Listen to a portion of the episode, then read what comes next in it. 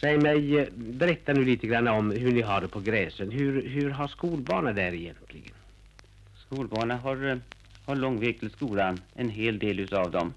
En fyra mil lång och, och det är sju skolor på i På hela socken, jaha. Ja, och det måste ju givetvis vara så att många barn får lång väg. En, Hur pass eh, kan den längsta vägen vara? eh, omkring en halv mil. Och om vi tänker oss på vintern när det är snö och allt, hur pass lång tid tar det för dem då? Ja, det är över en timmes promenad blir det för en, en del. Det vill säga två timmar fram och tillbaka. Ja, Det är en ganska bra bit ja det är det. Nå men säg mig, mm, om man nu tar det allmänna ekonomiska tillståndet på ön då, hur kan man säga om det? Att det? Ja, för närvarande är det väl tämligen gott. Eh, befolkningen består ju mest utav fiskare som samtidigt är jordbrukare, inte sant? Jo, det är så. Nå men mm, bland dessa jordbrukare, om man då tar de större jordbrukarna, klarar de sig bra? Ja, Och de mindre då? ja, de klarar sig tämligen gott de också. Men eh, det finns ju en hel del som har friköpt sina jordbruk. Hur är det med dem då? Ja, de har ju lite mera besvär med ekonomin. De är skuldsatta. Ja, betydligt. Men å andra sidan, när de nu har fått sina jordar fria så är de väl mera intresserade av att eh, rusta upp sina ställen också. Ja, det är givetvis. Man arbetar ju hellre på en sak som man äger än det, än det man arrenderar. Det är alldeles riktigt, det är jag. Nå, men när de nu har det svårt och sånt så mm, det är ju ett ganska karskt folk här ute. Så då vänder de sig inte gärna till kommuner inte. Nej, det är högst sällsynt att de gör det. De vill stå på egna fötter. Ja, Nå, men det är ju fint. Nå, men de har fått hjälp också utav, um, utav fisket nu, det här strömmingsfisket. strömmingsfisket har varit mera givande på senare år. Det är väl givetvis beroende därpå att eh, de har laxat till med kraftigare motorbåtar och nya redskap.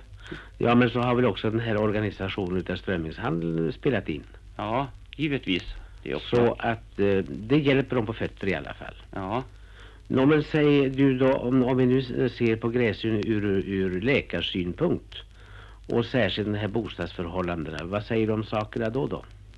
Ja, det är ju köket där som är det viktigaste rummet i bostaden. Där arbetar de och där sover de. Där sover ju även, eh, även barnen, ofta flera i samma bädd eller säng. Det är inte bra det. Nej.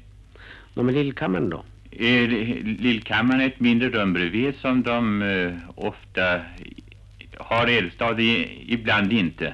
Och när det inte är någon eldstad då blir den ju lätt kall och osund. Fuktig. Fuktig naturligtvis. Ja. Nå, men mm, när de sitter nu och arbetar särskilt, man tänker på vinteraftnarna, då har de ju inne eh, fiskredskapen, alltså skötar och nät. sköta nät och det dammar ju mycket och eh, förbättrar ju inte alls luften på något sätt. Tvärsom naturligtvis. Och det får barnen ligga och sova i det där dammet. Sova, andas in och sova där ja. Jag tyckte jag hörde att kyrkoherden där ute sa att det var mycket TBC också. Det har varit, eh, det är vissa gårdar det finns TBC. Fortfarande. Men inte, inte något särskilt mycket mer än andra trakter på, i, i Sverige tror jag. Alltså inte det. Nej. Nå, men mm, hur är det nu ifall människor blir sjuka och kanske ligger för döden och alltid? Får de då vistas i köket lika fullt? Då ligger de fortfarande kvar i köket. Ligger där sjuka, ligger där och dör. Bland alla de andra. bland alla de andra. Men de är vana vid och tycks inte lida av det, tycks inte eh, ha någon önskan att få ro och avskildhet utan tycks trivas där, där de är vana. Nå, men säg mig, mm, bägge herrarna, då får man väl ha ett, det önskemålet ändå att det skulle bli bättre med dessa bostadsförhållanden här ute i skärgården. Men hur ska det bli? Eh, Vad anser ni, herr Pettersson, att det skulle kunna tänkas? Hur är bostadsbeståndet i sig själv? bostadsbeståndet i sig själv är nog inte så dåligt. Men det är ju en olägenhet att folket sammantränger sig i ett rum och det, då är det i köket. Ja. Nå, men eh, hur ska man kunna tänka sig, vad säger du om eh, att, att man skulle göra i saken? Ja, i de här eh, större gårdarna så finns det i allmänhet utrymmen som de helt enkelt inte tillvaratar. Så då skulle man kunna säga att huvudsaken, eller det första steget, det skulle vara det att de helt enkelt tillvaratar det utrymme som finns. Ja,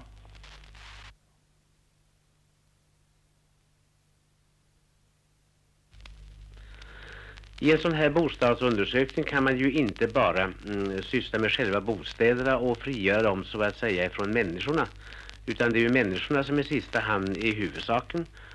Och när jag nu är här uppe i norra Uppland så skulle det därför vara mycket intressant om jag kunde få höra hur mentaliteten hos landsbygdsbefolkningen gestaltar sig här.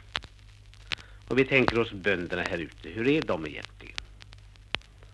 Ja, det är ju ett eh, arbetsamt folk. Men uh, inte särskilt uh, affärsbetonade. Och mycket konservativa. Och mycket konservativa. Nå, men denna konservatism som ju anses utmärka upplänningarna kan det sägas stå på något vis i samband med godserna och de gamla bruken som har legat här uppe och ligger fortfarande? Ja, det vill säga det har ju alltid varit strider mellan den självständiga bondebefolkningen och brukarna. Och det har möjligen gjort sitt till att uh, dessa bönder har blivit mycket konservativa och oböjliga. Jaha. Men de som har varit i beroende då utav uh, dessa bruk och gods? Uh, ja, det är en stor skillnad mellan dessa kategorier av bönder. Uh, alltså de bönderna som har varit under och, och eller beroende utav bruken. de är mera um, snälla så att säga och tillgängliga. Jaha. Men de är väl också mera osjälvständiga? Men osjälvständiga. Jag kan förstå det. Det går inte ur dem på flera generationer. Så det är en alldeles specifik mentalitet? Den där slavbetoning. En slavbetoning? Som ligger i blodet. Som ligger i själva blodet, ja. Det är ju mycket, mycket intressant att höra. Nå, men säg mig nu, och vi har äh, även äh, andra kategorier ute på landsbygden. Vi har ju arbetande befolkning, dessa så kallade diversarbetare. Eller om vi först tittar på bönderna, hur bor nu dessa bönder som är skapade på detta vis? De har naturligtvis sitt stora kök och sin kammare och kanske har flera rum, men de bor naturligtvis i köket. De bor ut, uteslutande i köket. Och när de nu bygger, ur vilken huvudsynpunkt bygger de? Ja, då bygger de med tanke på uh, bröllop och begravningar. Så inte på det vardagliga praktiska livet? Icke på det vardagliga. Det är ju ganska egendomligt. Och så vistas de i köket? Så tränger de ihop sig i köket, ja. Men det måste ju bli en egendomlig atmosfär. Det är en fruktansvärd uh, lukt i dessa rum. Där ligger ju sjuka och döende. Där och det lagas mat och alla sysslor så blir de ju utförda i köket. Ja. Nå, men eh, om man nu tänker dessa arbetare jag talar om, hur har de det då? Den kategorin äh, arbetare som bor spridda ute på landsbygden, det är alltså diversarbetare som inte ha ständigt arbete utan uh, oregelbundna inkomster. Uh, deras bosättning går ju till på det viset att de köper sig ett litet ställe för en kanske 12-1500 kronor och um, det är uh, naturligtvis en urusel bostad och följaktligen så lever ju dessa människor på en mycket låg nivå. Ja, men så har vi ju en kategori till och det är de som arbetar på brukerna. Det var ju det gamla statssystemet i flor förr, men så kom det ju bort. Men hur är det nu? Ja, förra hösten så återgick ju de flesta till um, statssystemet. Så att de betalar in natura? Alltså de har en viss kontantlön och sen har de uh, in natura produkter. Jaha. Och det har ju medfört det att uh, dessa arbetares uh, ekonomiska ställning har ju försämrats. Det vill säga de är tvungna då att själva försälja dessa naturaprodukter som de, i den mån de inte förtär det själv. Ja, det de inte förbrukar själva, uh, det säljer de ju. Men vid försäljning, försäljningen så kan de ju naturligtvis icke få ut de priser som har varit beräknade då, eh, vid avtalsuppgörelsen. Därigenom förlorar de? Därigenom så blir de lidande. Jaha. Vad skulle jag säga? Nå, men så finns det väl förmodar jag även här som på andra håll i landet den förfärligt svåra tjänarefrågan. Ja, det är ju ett uh, svårt kapitel för bönderna. Och uh, det kommer ju att uh, ha redan medfört att rätt många gårdar bjuds ut till salu på grund av att de orkar inte med skötseln. Alltså en bonde som där det bara finns man och hustru som saknar barn. För dem är det ju omöjligt Jaha. att fortsätta bruka sin gård. Kan jag få något exempel på något svårt fall? Jag var inne på, ett, på en gård häromdagen. Uh, där var mannen var 70 år och uh, hustrun var 65 år gammal.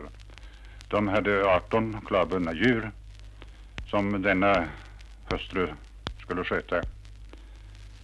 Och när man kom in i köket där så visade sig ju det att det var ju aldrig tal om att någonsin diska utan eh, det porslin de åt på det fick ju stå dygnet om på bordet. Och hela året om? År, hela året om. Aldrig diskat? Aldrig diskat. Och detta beror i sista hand på det att man på landsbygden inte kan få tjänare? Ja, de äh, gårdar som ligger äh, lite avsides och särskilt äh, då ute på öar.